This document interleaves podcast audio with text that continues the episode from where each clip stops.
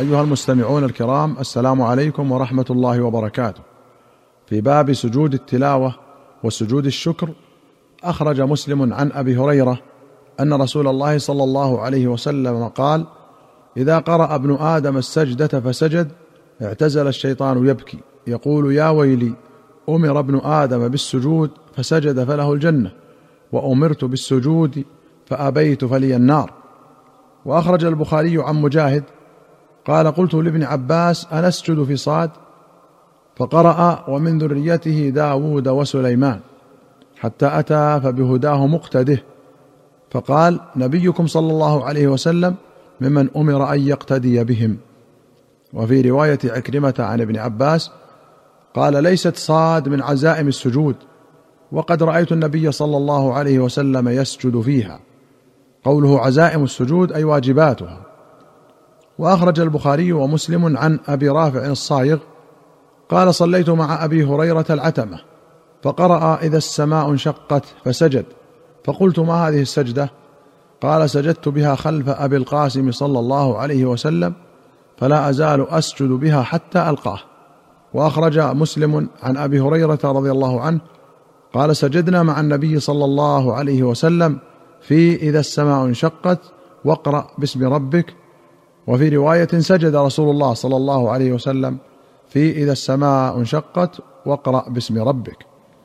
وأخرج ابن أبي شيبة وأحمد وأبو داود والترمذي والنسائي والحاكم والبيهقي في السنن والبغوي بسند حسن عن عائشة رضي الله عنها قالت كان رسول الله صلى الله عليه وسلم يقول في سجود القرآن بالليل سجد وجهي للذي خلقه وشق سمعه وبصره بحوله وقوته. قال في المرقاه قال ابن الهمام ويقول في السجدة ما يقول في سجدة الصلاة على الأصح.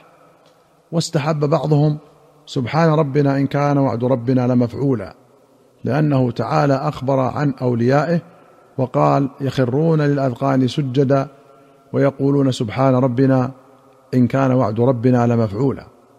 وأخرج مسلم عن كعب بن مالك رضي الله عنه في قصة توبة الله عليه قال فبينما أنا جالس على الحال التي ذكر الله عز وجل منا قد ضاقت علي نفسي وضاقت علي الأرض بما رحبت. سمعت صوت صارخ أوفى على سلع يقول بأعلى صوته يا كعب بن مالك أبشر فخررت ساجدا وعلمت أن قد جاء فرج. وآذن رسول الله صلى الله عليه وسلم بتوبة الله علينا حين صلى صلاة الفجر فذهب الناس يبشروننا. سيأتي الحديث بطوله في كتاب الجهاد باب المغازي والسير. وسلع جبل معروف بالمدينة يشرف على دار كعب بن مالك. والصارخ هو أبو بكر الصديق رضي الله عنه. باب صلاة الجمعة. أخرج مسلم عن أبي هريرة رضي الله عنه أن رسول الله صلى الله عليه وسلم قال من اغتسل ثم أتى الجمعة فصلى ما قدر له ثم أنصت حتى يفرغ الإمام من خطبته ثم صلى معه غفر له ما بينه وبين الجمعة الأخرى وفضل ثلاثة أيام. وفي رواية من توضأ فأحسن الوضوء ثم أتى الجمعة فاستمع وأنصت غفر له ما بينه وبين الجمعة وزيادة ثلاثة أيام. ومن مس الحصى فقد لغى. قوله لغى اللغو هو التكلم بما لا يجوز. وقيل الميل عن الصواب. وقيل لغى هنا بمعنى خاب. يقال ألغيته أي خيبته. وأخرج البخاري عن سلمان الفارسي رضي الله عنه أن النبي صلى الله عليه وسلم قال لا يغتسل رجل يوم الجمعة ويتطهر ما استطاع من الطهور ويدهن من دهنه ويمس من طيب بيته ثم يخرج فلا يفرق بين اثنين ثم يصلي ما كتب الله له ثم ينصت إذا تكلم الإمام إلا غفر له ما بينه وبين الجمعة الأخرى. وأخرج الشيخان عن أبي هريرة رضي الله عنه أن رسول الله صلى الله عليه وسلم قال من اغتسل يوم الجمعة غسل الجنابة ثم راح فكأنما قرب بدنه ومن راح في الساعة الثانية فكأنما قرب بقرة.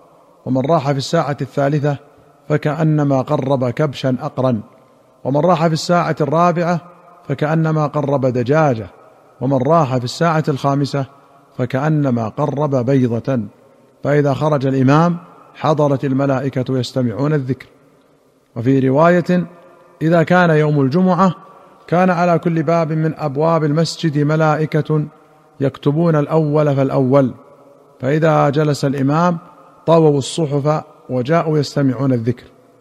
وأخرج أحمد وابن ماجة وأبو داود والترمذي والنسائي وابن خزيمة وابن حبان والحاكم والبيهقي في السنن بسند حسن عن أوس بن أبي أوس وقيل أوس بن أوس الثقفي رضي الله عنه أن النبي صلى الله عليه وسلم قال من غسل يوم الجمعة واغتسل وبكر وابتكر ومشى ولم يركب ودنا من الإمام ولم يلغو واستمع وأنصت كان له بكل خطوة يخطوها أجر عمل سنة صيامها وقيامها.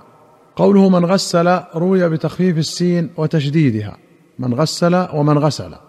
قال النووي المختار في غسل ما اختاره البيهقي وغيره من المحققين أنه بالتخفيف وأن معناه غسل رأسه.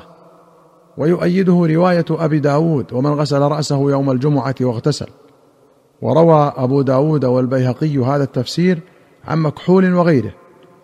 وقال القاري قال بعض الأئمة لم نسمع من الشريعة حديثا صحيحا مشتملا على مثل هذا الثواب أي فيتأكد العمل لينال الأمل. وأخرج البخاري عن عباية بن رفاعة قال أدركني أبو عبس وأنا ذاهب إلى الجمعة. فقال سمعت النبي صلى الله عليه وسلم يقول من اغبرت قدماه في سبيل الله حرمه الله على النار. وسيأتي الحديث في أول كتاب الجهاد وأبو عبس هو عبد الرحمن بن جبير الأنصاري الحارثي غلبت عليه كنيته شهد بدرا ومات بالمدينة سنة أربع وثلاثين ودفن بالبقيع وله سبعون سنة. قوله في سبيل الله قال في المرقاه هو في الحقيقة كل سبيل يطلب فيه رضاه. وأخرج البخاري عن أنس رضي الله عنه أن النبي صلى الله عليه وسلم كان يصلي الجمعة حين تميل الشمس. قوله حين تميل أي أول ما تزول. قال ابن حجر يؤخذ منه أنه كان يبادر بها عقب دخول الوقت وأن وقتها لا يدخل إلا بعد وقت الزوال. وأخرج البخاري ومسلم عن سلمة بن الأكوع رضي الله عنه قال كنا نصلي مع رسول الله صلى الله عليه وسلم الجمعة ثم ننصرف وليس للحيطان ظل نستظل به. وفي رواية كنا نجمع مع رسول الله صلى الله عليه وسلم إذا زالت الشمس ثم نرجع نتتبع الفيء الفيء الظل. وأخرج الشيخان عن سهل بن سعد رضي الله عنه قال كنا نصلي مع النبي صلى الله عليه وسلم الجمعة ثم تكون القائلة. وفي رواية قال ما كنا نقيل ولا نتغدى إلا بعد الجمعة في عهد رسول الله صلى الله عليه وسلم. وفي أخرى قال كنا نفرح بيوم الجمعة.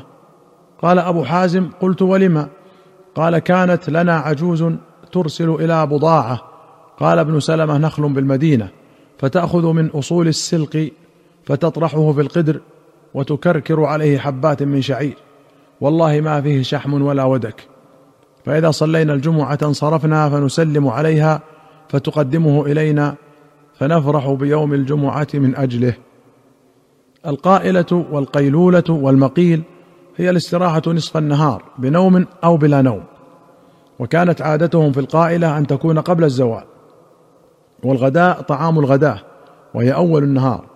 وفيه أنهم كانوا يؤخرون ما اعتادوه من الطعام والمقيل تهيئا للجمعة وتبكيرا لها.